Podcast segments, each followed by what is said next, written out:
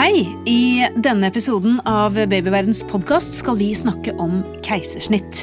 Jeg heter Karine Næss Frafjord, er redaktør i Babyverden, og jeg kom faktisk til verden gjennom et snitt i min mors mage under dramatiske omstendigheter, men det gikk bra. Ca. 17% av alle babyer kommer til verden med keisersnitt. Årsakene er mange, og det finnes både planlagte og akutte keisersnitt. Hva er fordeler og ulemper med keisersnitt, og hvem får det? Det skal vi snakke om i dag, og vi har invitert jordmor Kirsten Jørgensen. Velkommen. Tusen takk. Du, Hva er den vanligste årsaken til keisersnitt?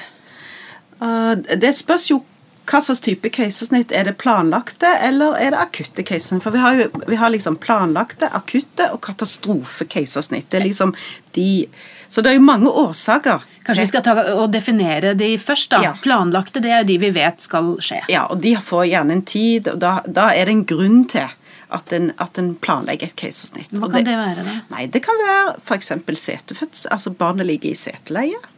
Det kan være tidligere keisersnitt med kompliserte fødsler. F.eks. at det, det, er trangt bekken, at det viser seg at dette Det neste barnet vil òg ikke kunne fødes normalt. Ja, betyr det at det fins faktisk de kvinner som ikke får barnet ut Ja. på, fordi man Ja. er for, har for trangt bekken? Ja. Ja, det gjør det. Mm. Det kan være Det kan være eh, det kan være fødselsangst. Det er jo noen som får planlagte keisersnitt òg, gjennom samtaler. Selv om en på en måte følger disse kvinnene veldig nøye opp i svangerskapet, så er det jo noen ganger at en faktisk kan være, det beste kan være keisersnitt for disse kvinnene. Det kan være mange årsaker til at en har fødselsangst. Eh, Det vet en jo at kvinner kan være utsatt for mye, så kan gjøre at de har fødselsangst. Eh, Det kan være eh, at det, det er mange årsaker til planlagte keisersnitt. Ja. Eh, hvis du f.eks. har hatt eh, to, kne, to keisersnitt fra før av, så blir det tredje planlagt, for å si det sånn. Ja, hvorfor det? Jo, for det, da er du på en måte Altså, når du har født to ganger før med keisersnitt jeg, jeg bruker å si det på den måten, for du har jo på en måte altså, Ja. Det er jo en fødsel, det òg, på en måte. Eh, så, så vil en forvente at det tredje òg. Altså, en, ikke, en har jo et kutt. En har jo et snitt på livmoren. Eh, sånn, og det å forvente at en da skal det er jo en brist, altså en, det er jo en fare òg med det, å på en måte sette i gang en fødsel da på tredje. Så som regel så velger en da at det tredje barnet òg blir født med keisersnitt. Ja, så Det er mange årsaker til det, men hva med de akutte? da? Hva er et akutt keisersnitt? F.eks. i forhold til et katastrofekeisersnitt? Ja, altså akutt keisersnitt da har en litt bedre tid på seg. Eh, Men katastrofe, da er det bare sånn rett ned. Det ligger i ordet, det. Ja, da er det bare rett ned, og det er Kanskje jeg har ikke tid å forberede. Altså, det, det er en katastrofe. Og det, hvis, det kan skje f.eks. hvis du under en fødsel For alle akutte keisersnittene, da er du på en måte Stort sett starter i fødsel. Altså, dette er noe som skjer under fødselen. Du, det er noe eh, på fødestuen. Det kan være en katastrofe, kan være at du plutselig eh, opplever at hjertelyden til babyen går dramatisk ned. Og ikke altså sånt eh, det, er, det er så akutt at du må bare springe av gårde på fødestuen. Nei, på, på operasjonsstuen for å få ut babyen, eller så kan det gå helt galt. Det kan være en katastrofe. Det at hjertelyden forsvinner, for å si det sånn. Men får, rekker man å bli bedøvd? Ja, altså, det gir ikke, altså Ved en katastrofe så er det stort sett narkose, for det er du fort å bedøve. Ved akutte keisersnitt så kan en ha bedre tid, for det kan være mange andre årsaker. Det trenger ikke være at hjertelyden på en måte eh, er på Altså hjertelyden mm, skal vi si, går ned eller blir alvorlig Altså det er alvorlig fare på barnet. Det kan òg være at eh, at ikke babyen kommer ned, at fødselen stanser opp. Altså Det kan være mange årsaker til det akutte. Men den vanligste årsaken til akutt keisersnitt er er jo langsom fremgang i fødselen. Det er at fødselen stanser opp. ja. Og Det kan være i åpningstiden, men det kan òg faktisk være i det når en skal på en måte trykke ut babyen, den, den andre fasen. At det på en måte ikke skjer noe. Og så har en jo visse tidsrammer å gå etter, og, og da kan en blir det gjerne et akutt sexjus eller akutt keisersnitt pga. langsom framgang. Det kan være sliten mor, det skjer ingenting. Og, og en velger da å avslutte et forløp som på en måte bare eh, sliter ut mor og barn. For det er klart en skal jo være i forkant. Hvis en har et veldig lange forløp og det skjer ingenting, så vil jo det òg til slutt gå utover babyen. Mm. Og en er redd for babyen sin, at ikke den skal på en måte li av det. Blir babyen stressa? Kan bli stressa. Du kan se det på hjertelyden. Mm. At en kan få stresse hjertelyd uten at det er en katastrofe. Men at en oppdager at denne babyen virker litt sånn eh, Hjertelyden er litt sånn variabel. Vi, kanskje vi ikke skal ja, la dette gå lenger nå. Mm. Men en katastrofe, det er Og det kan også, en katastrofe kan òg skje hvis navlesnoren eh, Sier han er kommet så langt i fødselen at navlesnoren detter fram.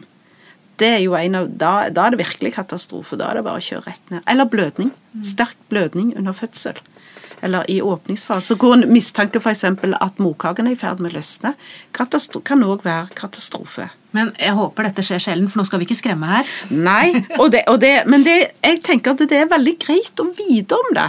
At det faktisk skjer. For jeg opplever at mange kvinner har på en måte ikke tenkt på at det, at det kan, kan bli et keisersnitt når de er på en måte begynt i fødsel. Og det er veldig skremmende. og no, De fleste gangene, heldigvis har vi tid til å forklare og si at jeg tror at vi må avslutte dette med et keisersnitt, for dette, nå går det ikke lenger. Men det er klart de som opplever at det er en katastrofe, er der er det, det er veldig, veldig tøft. Mm. Og da er det så viktig at en etterpå snakker om det som skjedde, sammen med de som var til stede. Men det gjelder egentlig begge typer keisersnitt, enten det er akutt eller katastrofe. Det at en har en samtale etterpå, og forklarer hvorfor, og hvordan en, skal forholde seg neste gang. For er, er det første gangen en får en har keisersnitt, så er det ikke nødvendigvis sånn at det neste gang en blir gravid, at det blir keisersnitt da. Ofte, Det kommer jo an på årsaken, men ofte så vil det være sånn at en kan begynne med normal fødsel eller vanlig fødsel. Det er ikke sånn at det eh, hindrer en eh, For det, mange har jo en forventning, altså har tenkt at 'å, jeg gleder meg til fødselen', og være der, og så blir de veldig skuffet når det avsluttes med et keisersnitt. 'Å, jeg klarte det ikke, jeg fikk det ikke til'. Eh, må jeg ta keisersnitt neste gang, nå?' Nei, det må du ikke nødvendigvis. Men du blir fulgt mye bedre opp. Du blir fulgt opp veldig mye ved neste fødsel hvis du har hatt et keisersnitt. Vi skal snakke mer om keisersnitt, for det er klart at det har eh, større konsekvenser kanskje på kroppen eh, enn en vaginal fødsel har, men først skal vi ta en bitte liten pause.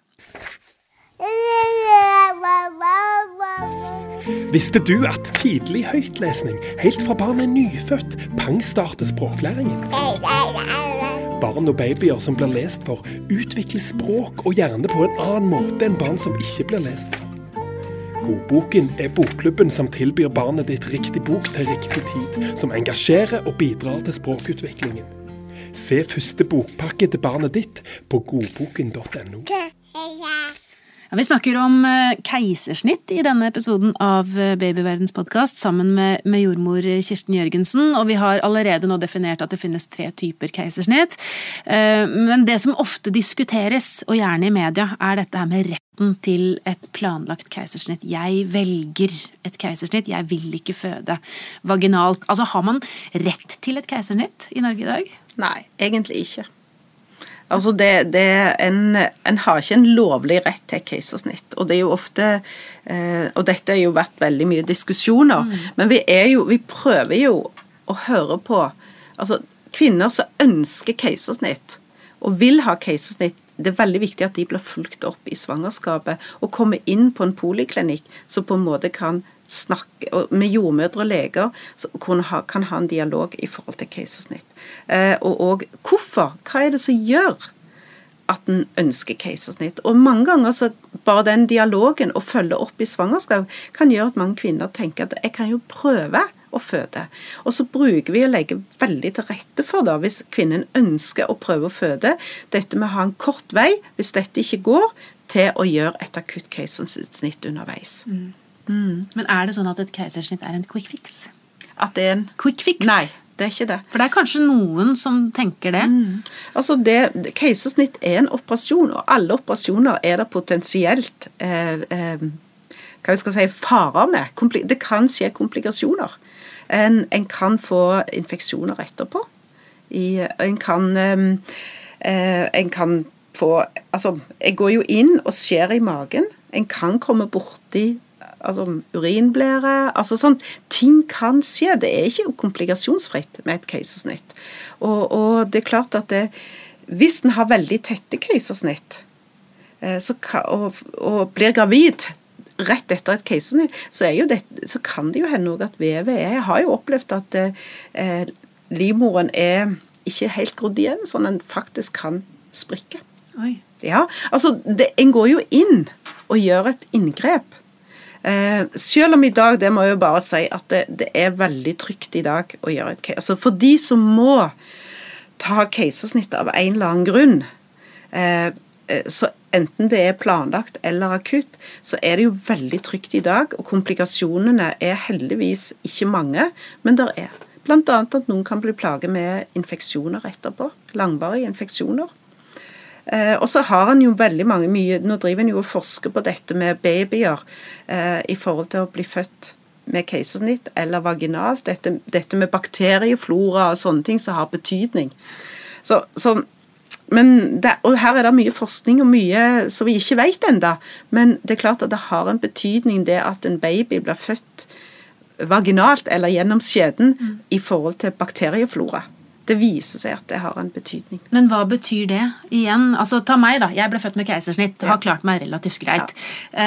Uh, men hadde jeg klart meg enda bedre hvis jeg ble født med vaginalt? Det, det er jo akkurat dette på en måte driver nå og forsker litt på. Jeg tror jo at det, det er klart at det, jeg, jeg, tenker at når en må ha keisersnitt, og det er livreddende, så er jeg så takknemlig for at vi har, den, eh, at vi har muligheten i dag. Mm. Vi, vi, må på en måte ikke glemme det oppi alt dette.